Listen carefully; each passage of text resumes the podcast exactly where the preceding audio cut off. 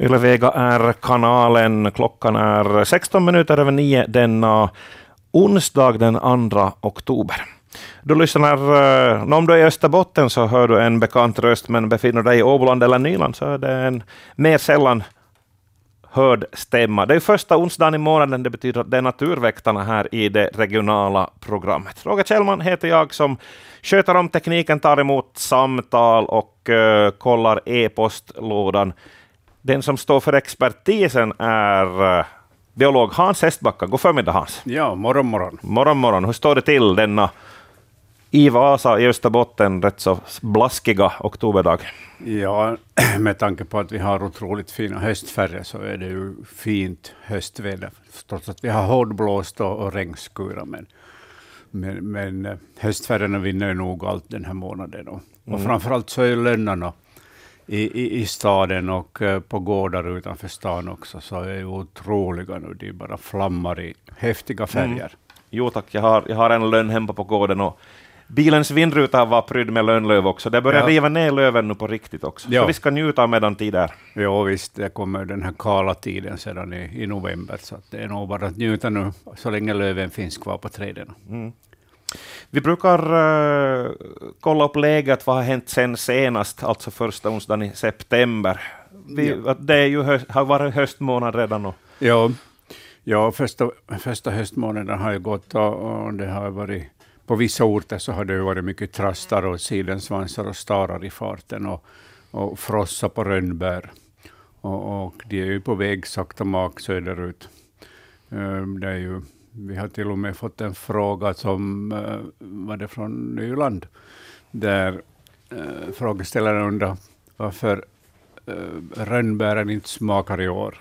Ja, det var någon som hade ett, ett träd eller flera kanske där. Ja, ja men, men det, här, det beror nog helt enkelt på att, att de här eh, fåglarna inte hunnit söderut ännu. Precis. Det finns så mycket rönnbär i hela landet så att de kommer nog att gå åt de här bären, det är något fel på dem. Ja, och det duger väl att äta vintern igenom också? Jo, visst. Frusna bär ja. duger också. Ja, rönnbär har den stora fördelen att det, eh, den C-vitamin så, så bevaras ju oberoende av, av köld och hetta.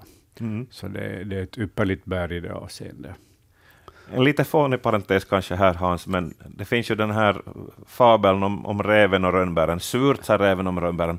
Men hur är det med, har man undersökt sånt, fåglars eller djurs smaksinne i allmänhet? Reagerar de på surt och sött och, eh, ja, och salt och sådär? Nog tror jag det är på det sättet att, att det här, när fåglarna äter bär så försöker de ju för det första få tag i tillräckligt söt, alltså med mycket socker, ja. eftersom de ska ha det här flygbränsle, socker som flygbränsle. Och, och, och äh, socker brukar mildra, mildra den här surheten. Mm. Mm, men sen, sen växlar ju, sen går ju nog, när det liksom blir kärvare tider på vintern, så går ju alla bär åt oberoende. Men nu försöker de välja äh, bär med mycket socker och relativt mild smak, och den varierar ju hos rönn, rönnbären ganska mycket. Mm. Men sen då det blir riktigt kallt så tar det nog vad som finns bara. ja, ja, ja. Sen uh, vår frågeställare i, i Nyland så undrar också vad det beror på att rönnorna har olika färger. Det, det finns ju uh, kraftigt röda bär och sen mm. orangea bär. Och det beror lite på i vilken utsträckning de har de här de här röda färgerna i, i sina bär. Så det är en, en, eh, en genetisk variation som för, förekommer hos bären, precis som smakligheten också. Ja.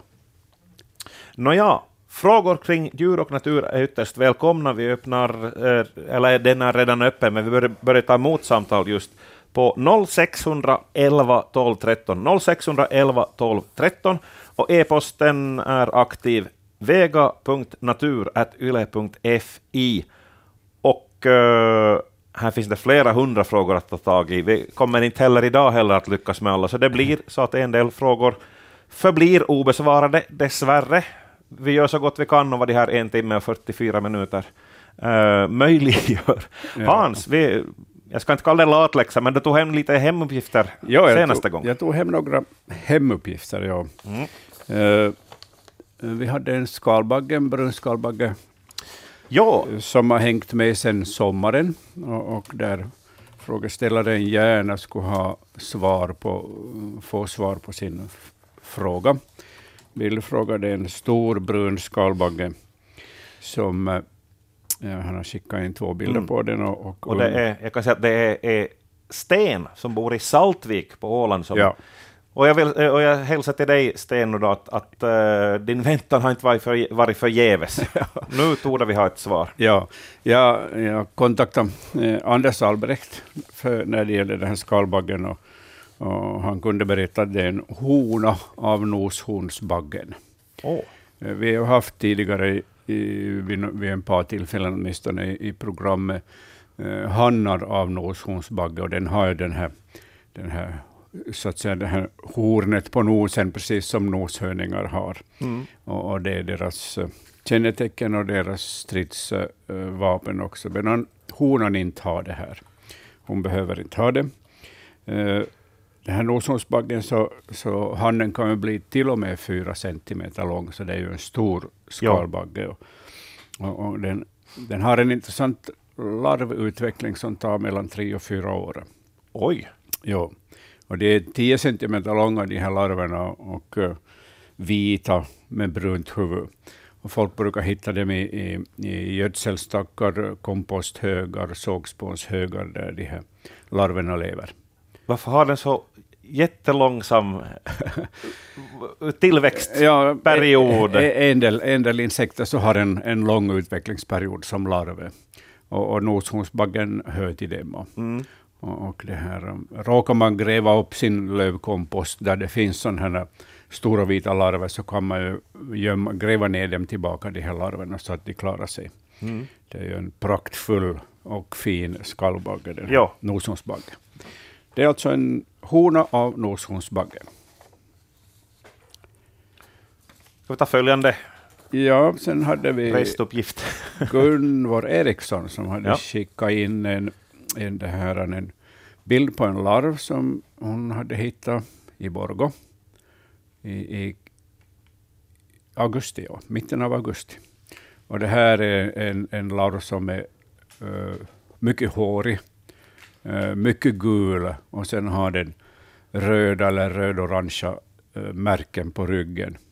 En, två, tre, fem stycken i rad mm. har den här larven. Och, och uh, Anders Albrecht så, så har kollat upp den här och konstaterat att det är lönnaftonflö. Uh, uh, jag har aldrig sett den här larven, den är otrolig, otroligt färggrann. Och, ja, kan jag få se bilden? Jag har den här i, i ja. kommer åt den i datorn. Mm. Vår bildblogg ska vara i funktion i, november igen. Ja, det var den ja. Jo, ja. nu minns jag. Den ja. såg ju helt påhittad ut om man ja. säger så. Och, och, och den, ja. den, här som Alltså lönnaftonflyg, det berättar att den flyger om nätterna ja. och ett flyg, och den är ju stor, har, har 40 till 45 mm svingbredd, så den, mm. det är en ganska praktfull.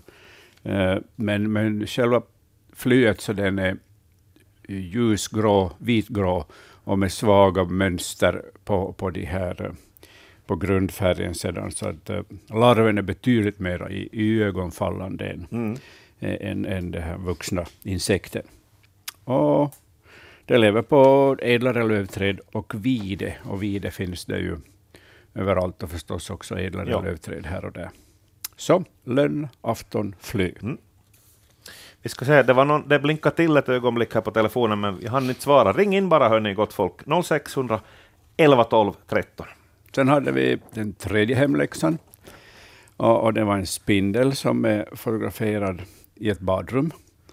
Och den var snabb och tre till tre och en halv centimeter mellan tåspetsarna som, som det här äh, frågeställaren äh, beskrev det, Jackie Wilson. Och han undrade vad det är för art. Och jag mm. kollade för säkerhets skull med, med Niklas Fritzén här i Vasa. Och, och han konstaterade mindre husspindel. Ah.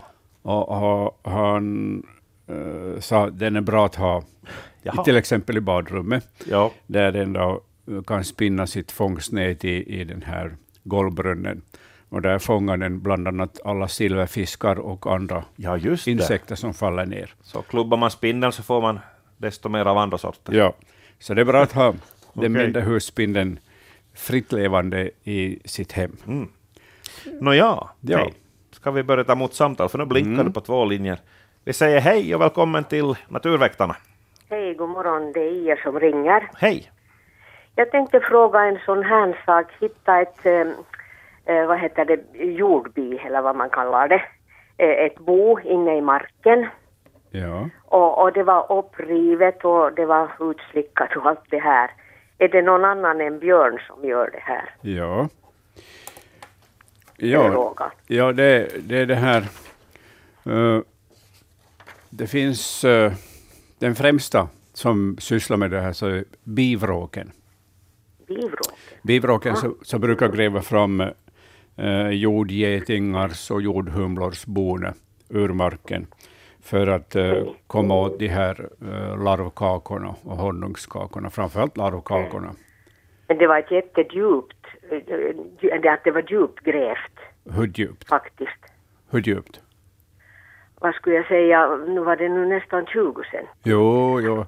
Ja, nej, bivrocken är specialiserad på, på att gräva ner sig i marken och den har oerhört starka fötter för att vara okay. en medelstor rovfågel och den gräver sig ner så långt det behövs. Okej, okay. just när man såg inga, inga liksom, så att säga fot eller klospår eller någonting sånt där. Att ja, nej, om, man kunde inte... Mm, om det skulle vara till exempel björn eller grävling så brukar det nog vara tydliga tassavtryck i den här framgrävda jorden. Okay. Så, så jag håller, håller nog största kortet, främsta kortet på bivråken. Okej, okay. det här är bra. Tack ja. för det. Mm. Tack. Tack ska du ha. Hans, Jo, vi ska ta upp den där bilden, men jag, jag fuskade och gick in på Wikipedia här ja. och läser bland annat att, att vråken är inte alls en vråk. Nej, men den har det namnet. Jo, mm.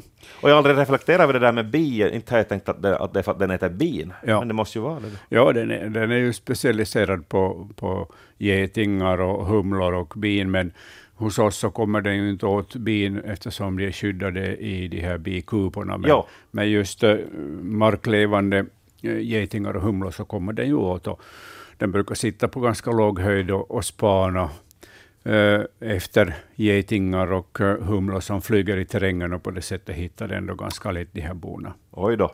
Ja, den kan ju förstås också äta annan föda, grodor och, och, och fågelungar och sånt där. Men, ja. Men getingar och humlor är den viktigaste födan. Se där. Ja. Nåja, vi tar bilden. Det är Jan-Erik Kajander i Forsby, Lovisa, som har sänt in en bild. Eh, så här skriver han. Jag fann detta hål på min gård i en sluttning. Jag undrar vad det är. Är det ett grävlingsgryte eller eh, som en person i byn trodde att det har varit en björn som har sökt getingar. Hålet är fullt med jordgetingar. Man kan också se att någonting stort har rört sig, genom, rört sig genom buskaget nära hålet. Och det är då en bild av Eh, no, det är grön växtlighet, men så är det en kal jordfläck där, där och så är det upprivet där. Ja, här, trots att, eh, att det, någon har rört sig i växtligheten där, så, så håller jag nog på, på bivråken också i detta fall, för ja. det syns inga tassavtryck i den här eh, framkrafsade jorden. Okay.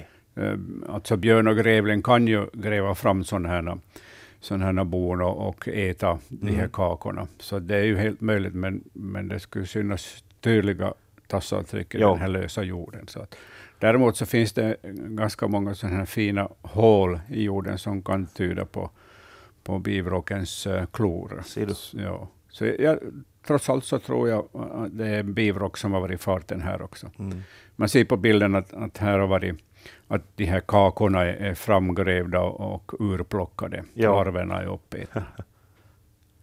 hur pass utbredd är den? Hur, mång, hur stor, hur stor eh, är bivråksstammen i Finland? Så där ungefär. Nu börjar jag ställa svåra frågor. ja. Kanske vi tar det som latläxa och så tar vi ett samtal istället. Ja, det bivråken hör till de ovanligare ja. dagrovfåglarna. Den har minskat tyvärr en hel del. Och, det finns ju nog bivråk här och där, men de behöver varma somrar och, och gott om eh, getingar och humlor Just. i farten för att okay. kunna häcka överhuvudtaget. Då tar vi ett samtal här. Hej, välkommen till Naturväktarna. Vem har vi med oss? Jo, det här är Per-Ove Riv från Borgå. hantverkare, gatan 42. Hej på det dig. Där, det var här i somras så, så jag talade om de där gräshopporna som jag skulle ja. vilja ha till mitt, min gräsmatta här. Ja. Men nu, nu, nu, har jag ju fått, jag fick två stycken. Ja, ja, ja. två stycken och jag har en gräsmatta så jag inte tänker klippa med en sån där maskin. Sån Ja. där, Mm. så de blir krossade. Så Precis. jag det där, nu tänkte jag fråga att, inte vet jag ju om det är hona eller hana eller om det är två honor eller vad det är. Hur på vis förökar de sig? Nu förökar de sig genom normal parning och så Ja, lägger, det är parning. ja, och så lägger honan ägg i marken och, och därifrån så föds då eh, nästa år de här kommande gräshopporna. Okej, Som- hoppas det är två honor som är... Som är befruktade, ja. ja. Det var min brors eh, där, eh, dotter som hade på sin tomt Mm. gräs. Och därifrån fick jag de gräshopporna. Ja. Och, och, men hur det där klarar vart var de om vintern, hur gömmer de sig? Ja, de här eh, vuxna gräshopporna så dör ju bort medan då de här äggen Aha. som de lägger i marken så de utvecklas då till nya gräshoppor nästa år. Och, och, och det här då, och ha, de har en relativt lång utvecklingstid under sommaren och börjar spela då sen i- Ja. i augusti normalt, ja, jag- när, när jo, de är fär, färdigt utvecklade. Ja, det är konstigt nu, jag är ju, så jag är ju redan 80 år så Ja. jag har lite dåligt, jag hör nog, men de sådana höga Ja. Mm. ljud hör jag inte. Men min fru hör. Ja, hon har bra... Ja, hon, hör, hon, hon är tre år yngre, så Ja, hon hör bättre. ja, det är bra. Hon, hon kan Ja. berätta åt dig och de spelar fortfarande. Ja. Jag har alltid frågat henne att hör du något gräshoppljud? Ja. Ja, det är tyvärr här. ett av de allra första naturljud som försvinner när hörseln blir lite sämre. Ja, just ja. Ja. Det är lite synd det, man skulle gärna vilja höra dem. Ja, visst, visst. Jo. Det här Ja. hör ju till som, Nåja. sen sommarens kryddor. Ja, precis. Mm. Jag fick ju sista två stycken och jag är så glad över dem Ja. redan. Ja, vad bra. Ja, ja. jag ringde ju om det här då Ja. i somras. Okej, Mm. tack ska ni ha. Ja. Ha en så bra dag. Tack. Hej. Hej. Det var trevligt att vi fick en, en uppföljning på en tidigare Ja. fråga. Mm, visst, visst. Är det, är det honorna eller hannarna som för ljud, eller är det Hannarna spelar. Mm. Ja. Det är de som ska stå för musiken och locka till sig honor och tävla om honorna också. Ja. Ja. Man får, kanske man kan rigga om en fladdermusdetektor till en gräshoppsdetektor. Det är mycket möjligt, ja. Jag undrar om det finns till och med någon forskare som har en sån. Ja, så att också när man eh, uppnår vuxen ålder kan höra det. Ja. Här blinkar det till i telefonen igen, så vi säger välkommen till Naturväktarna. Vem har vi med oss? Det är Mona från Vasa. Hej Mona. Jag funderar på getingar, ja. Jaha, ja. Får du in en geting i, i, i, i, i ditt rum så här på hösten så tro inte att det är bara att jaga bort den eller ta koll på den. Den kan ha hittat på att den ska krypa ner i din kanske ännu lite varma säng eller gömma sig på stoppade stolen där du har suttit. Ja. Och ett sting av den där getingen så jag åtminstone tycker det, det är mycket värre än, än då man får getingsting på sommaren där ute. Ja. Mm. Och nu så undrar jag, söker de eh, boplats till nästa sommar eller är det något annat de har för sig? Ja, de allra flesta getingar som kommer in nu på, på hösten, så det är ju arbetare som, som lever sina sista dagar och de söker sig naturligtvis mot värme och det finns ju gott om värme i, i, i sängarna. Och, och jag vaknade själv här om morgonen hemma och, och hörde en, en, en, som jag trodde, stor fluga som surrade på nattduksbordet, men där var en, låg en stor geting och, och, och på rygg och, och surrade för fullt. Då. Sen finns det ju förstås de här befruktade honorna, nya drottningarna, och, och de söker ju sig övervintringsställen och, och de kan också förstås komma in inom huset. Och och de, de ska ju med rätta eh, klara av vintern utomhus i håligheter, sprickor i väggar, fågelholkar och andra ställen där de övervintrar för att då kunna bygga upp ett nytt samhälle nästa år.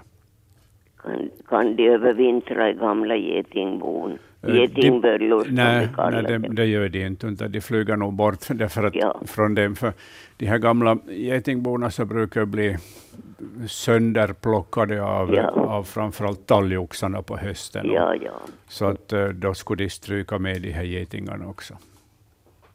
Så de söker ja. sig nog till ensliga ställen eller skyddade ställen för att kunna ligga i vinterdvala. Ja, jag, jag tänkte bara att man behöver påpeka det att, att får du in en geting i ditt hem så se till att du får ut den också. Eller? Ja, det är nog sant det. Ja. Mm. För att det, jag har varit med om det. Jag har i tidernas morgon haft tio getingstick på ett ben. Och Oj. Ja. Mm. Då, då, sprang och hoppade i sådana där gris, rishögar. Ja, ja. Jag och en, en kamrat. Mm. Det var nog hemskt. Ja, det är nog det. Så finns det ju de som, vi hade en som var och, och byggde något lite och reparerade något lite på sommarstugan och, och när getingar surrade i närheten så då, då stack han nog iväg undan för han var så himla rädd för det. Ja, ja. Jag tror att han var, han inte tålde det. Ja, ja speciellt om man är känslig för, för de här getingstickorna så då vill man nog undvika det. Ja. Mm. Ja. Mycket bra. Yes. Tack ska du ha för din fråga. Jo, tack, tack Och dina själv. goda råd. det är bra. Tack själv. Tack, ja, det kan vara på sin vakt att det kan vara eh, bra att vara på sin vakt när det gäller getingar nu på hösten. Ja. Det, säsongen är nog på sitt allra sista, men i alla fall så, så kan någon enstaka geting ännu dyka upp inomhus. Mm. Här blinkar det friskt eh, i telefon. 0611 12 13 är numret. Hejsan, nu har du kommit fram till Naturväktarna. Välkommen! Ja, tack. Vem har vi med oss? Hallå? Hallå, hallå? Ja, det är Carl Gustav från Borgå här. Hej på dig. Hör du, ja, på tal om huggormsbett ja. så skulle jag äh, berätta en liten story som hände på Storpelling i Bastuhamn. Det var då äh, jag var äh, barn och äh, min, min goda vän Klaus Störnud som var i min ålder blev biten av en huggorm ja. och han var ensam där bara med tjänarinnan. Föräldrarna var i Helsingfors och jobbade. De kom ut varje kväll och, och tjänarinnan kommer springande till, till, till min morfar och, och får säga att hur ska hon göra att han, han har blivit biten av en huggorm i, i benet. Att, att här finns ingen läkare och, och jag, jag, jag har läst handfallen. Så sa han jag, jag ska komma dit och försöka se vad jag kan göra, sa han. Så, så tog han en väska och det där, och det var en, han hade en rakkniv med, förband och saker och, och jod och så var han, han, han var ganska praktisk karl. Och så tog han hand om den där, den där min kamrat och skar upp det där såret ordentligt och, och så tog han med en sån här sug, suggrej, tog han bort det där blodet. Ja. Och, och fick bort det. Och, och sen sen tog han och, och det där och satte ett, ett hårt förband eh, under det där eh, såret sår, på, på det där benet.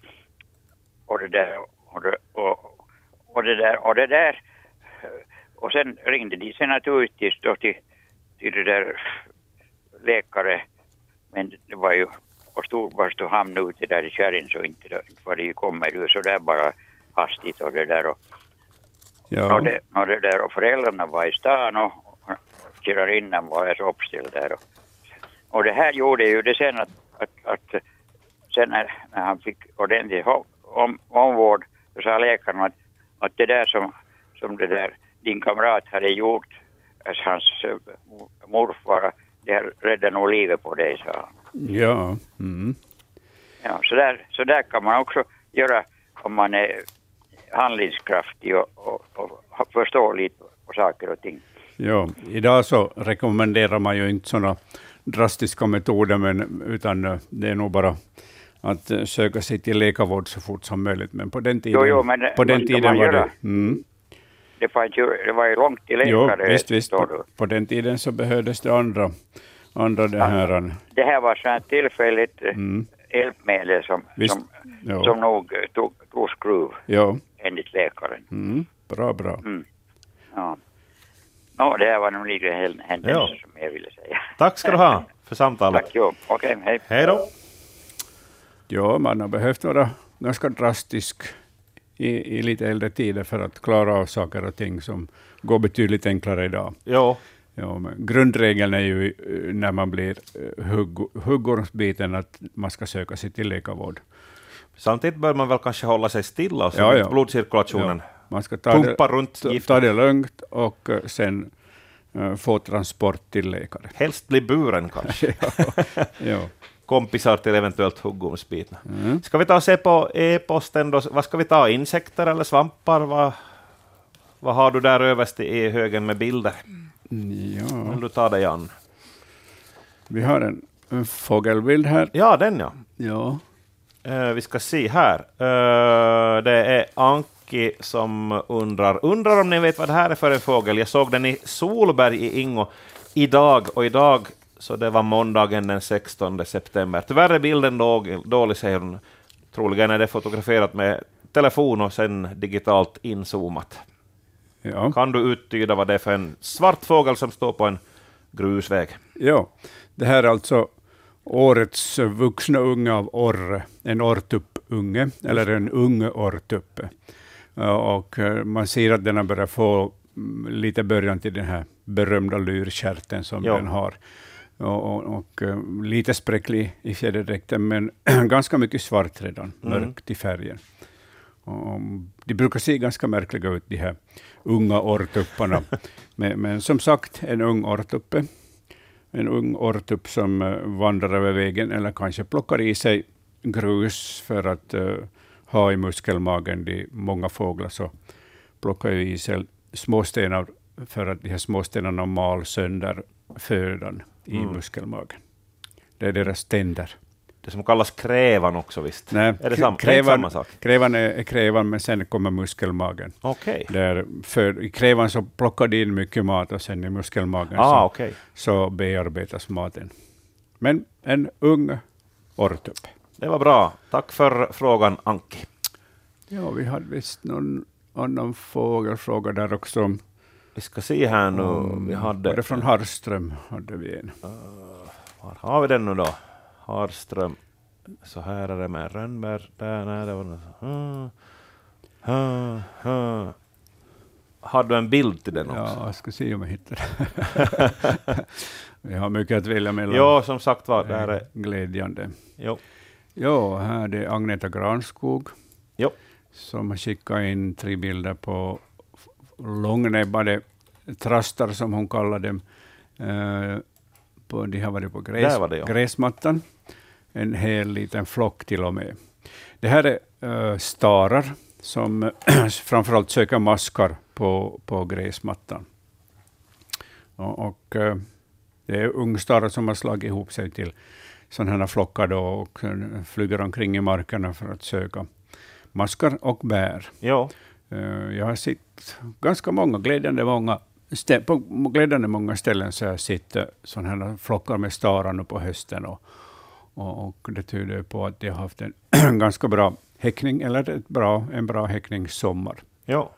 Så starar på besök. Ser du rad, raden under det e-mailet så Agneta också skickat in bilder på en tyvärr död fågel. Jaha. Ser du den där i inboxen? Vad är detta för fågel som har dött på vår gård här i Harström? Och, så, och den, den är på ett spadblad nu, spaden är 16 centimeter bred, så där har vi storleks jämförelsen. Det är jättebra att ha med någon referens. Har du den där? Nej. Den kom in den 29. Oj, det här är... Nej, vet du vad? Det jag sökt på Agneta, så det är ett mejl från i juli, så du har kanske svårt att hitta det där. Mm. Mm. Okej, okay, no, då, då, då, då klickar vi vidare. Vi ska leta här. Vi kan ju ta en annan. Vi tar död. den där stackars fågeln som har, eller djuret som har, det är en gnagare visst. Ja. Uh, vem är den olyckliga och vem gör så här utan att äta upp, undrar Ann-Marie. Och det är då en bild av ett, ett svansförsett litet djur, någon slags gnagare som är, ja vad ska man säga, har den huvudet avslitet. I alla fall är den upp, uppsprättad. Ja. Men det skulle finnas mycket att äta om man vore en rovfågel eller något liknande, kan vi säga. Ja. Eh, det här är uh, en... Jag undrar om inte det är en råtta. Det ser mycket ut Just som en råtta. tjock svans. Tjock, tjock mörk svans, lång. Mm. Det är i alla fall en rovfågel eller ett fyrfota rovdjur som har, som har fångat den här. Jo. Och troligtvis blivit avbruten i, Mm. i, i ätandet. Därför ligger huvudet här bredvid och, och kroppen på sidan om med tarmarna framme. Jo. Det normala är att när rovfåglar fångar en sån här eh, smågnagare så sliter de av huvudet och äter det först. Just. Eh, I hjärnan finns ju otroligt bra eh, fetter som, som rovfåglar och rovdjur brukar vilja ha. Jo. Och, men den har inte hunnit, hunnit svälja den här då. Mm. Så det, därför ligger den halshuggen här på gräsmattan. Men det, det, det, no, det är väl olika mellan olika arter, men de äter på fångstplatsen, de flyger Ja. inte upp i något träd i skydd. så. Ja, de kan ju göra- det nog. Ja, en del äter på fångstplatsen och en del flyger iväg och äter på något annat ställe. Så att, eh, den har blivit avbruten i måltiden, den här. Jag skulle, skulle säga att det är en fågel, kanske en sparvhök som har fångat den här eh, råttan. Ja. Så, det... Det var det det. Mm, Nåja, uh, eh, så har vi en... Ska vi ta svampar nu då? Det, det lär vara dåligt svampår i år, det var så torrt, men nu har vi fått veta så kanske... Jag har inte själv varit och sett ens efter trattkanter eller... Uh, eh, här har vi... Uh, Ebba har skickat in bilder från Sommarö Esbo, två präktiga trumpetformade svampar. Det är de som du har ligga där på, ditt, på bordet. Det där ja, som du... Det där. Ja. Den ja. bilden. ja, det här är en bild som, som jag tar som hemläxa och, Okej. och kollar med Anders Albrecht för säkerhets skull. Svampar är intressanta, men dessutom finns det ju giftiga, så det måste vara en, en trygg och säker artbestämning. Jo, här var någon som sände in en bild på någon vita svampar och undrade, är det här... eh, vad var det nu? Är det här uh, vit flugsvamp eller... eh,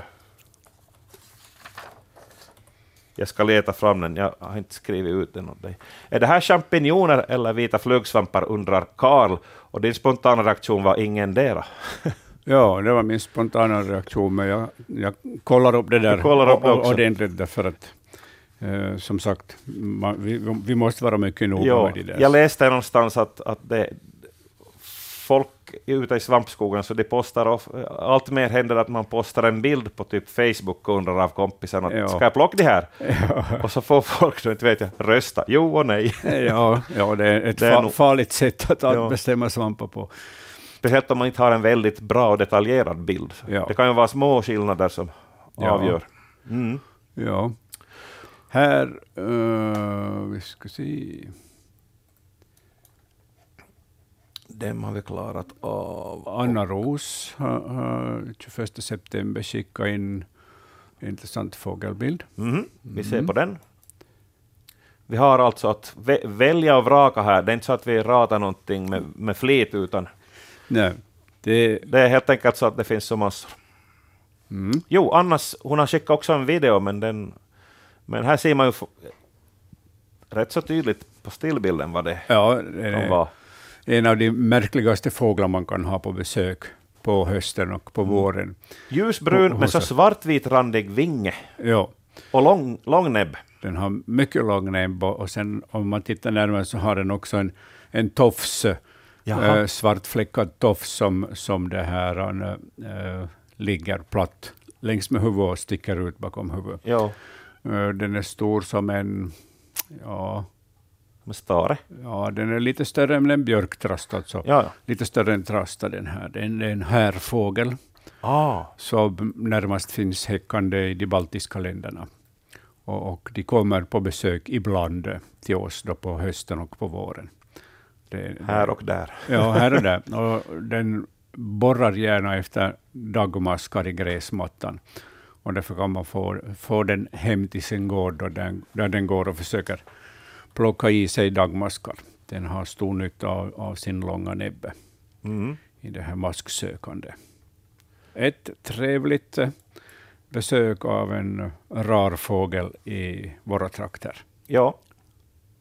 Uh, här har Anna inte skrivit var, var hon har sett den, men jag kollade på e-postadressen och det antydde att det var ett företag som hon jobbar för och det kan vara i Solv, Korsholm, så på nära håll härifrån oss här ja, i Vasa. i Solv. Precis. Ja. Har du sett härfågeln? Jag har sett härfågel två gånger. Så två gånger? Lyckligtvis. nu har vi någon på tråden här. Välkommen till Naturväktarna. Det här är Jan-Erik Solvin från Karleby. Hej. Jag undrar om man kan se en grå häger in i Karleby skärgård? Ja, ja, det går mycket bra. Jag har, jag har, jag har läst lite, i, jag har surfat, den, finns mer i södra Finland och längre söderut. Ja. När har du sett den? No, nu i sommar, var det nu i slutet på juli eller augusti. Ja.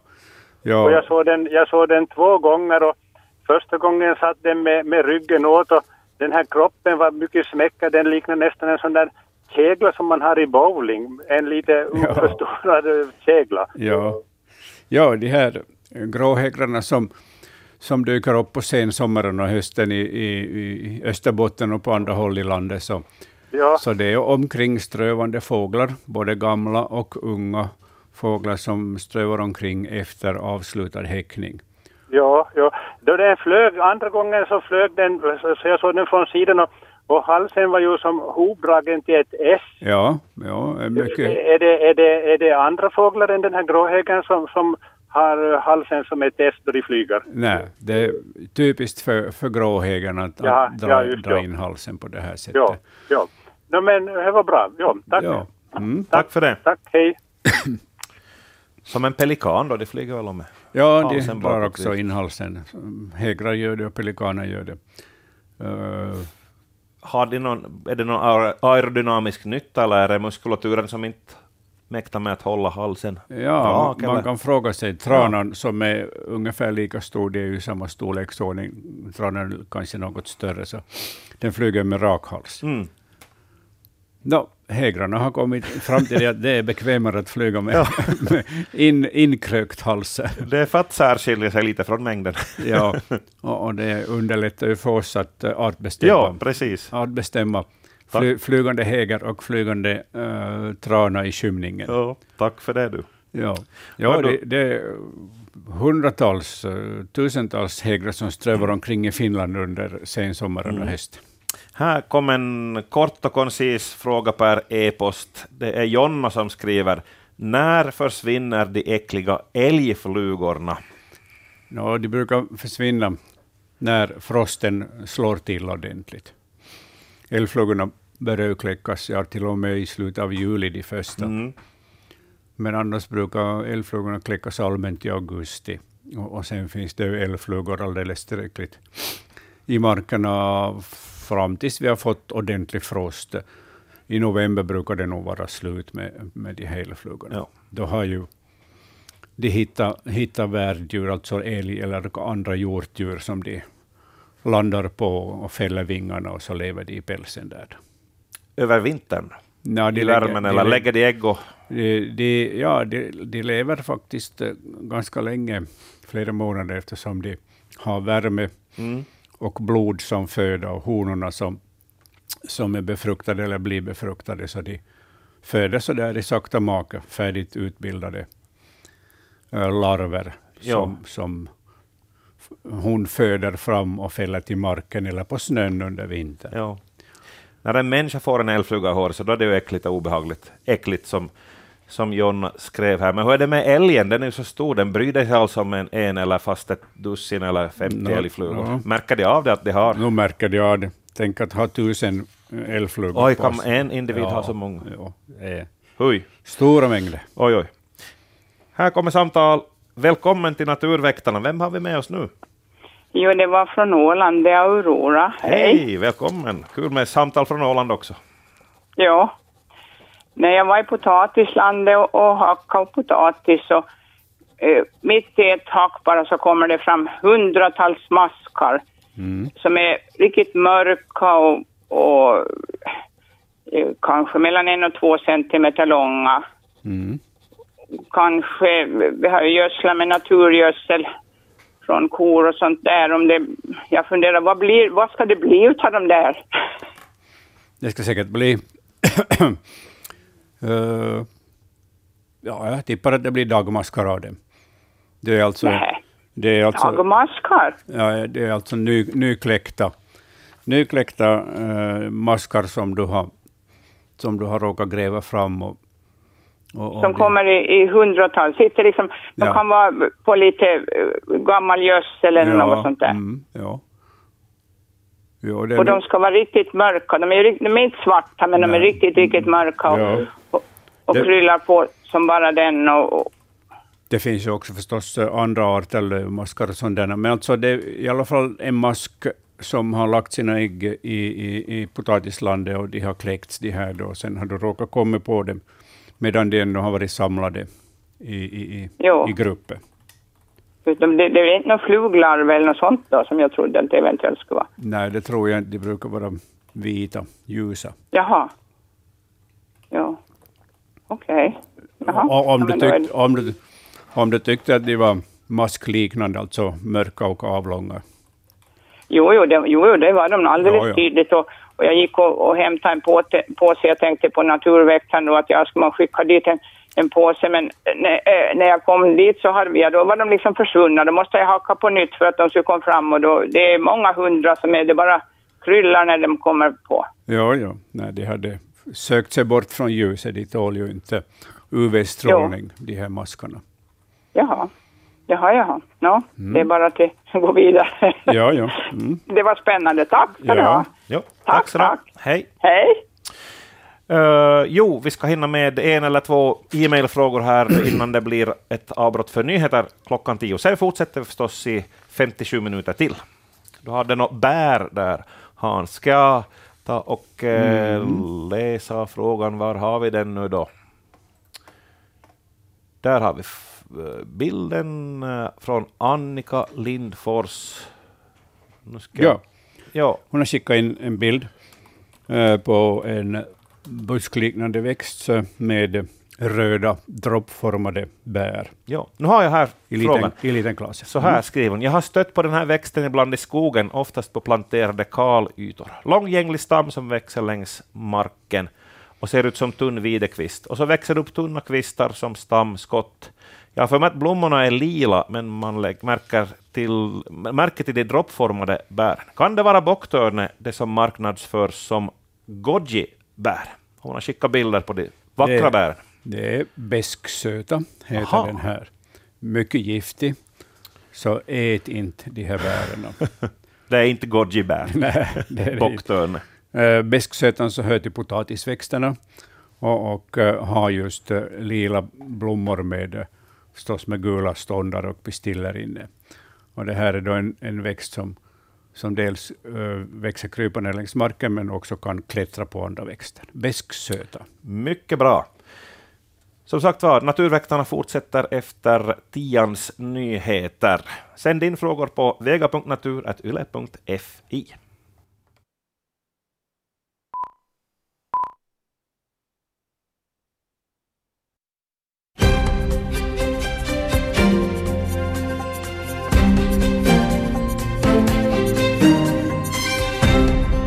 Det här är nyheterna klockan tio. Jag heter Jonas Blomqvist. God onsdags förmiddag.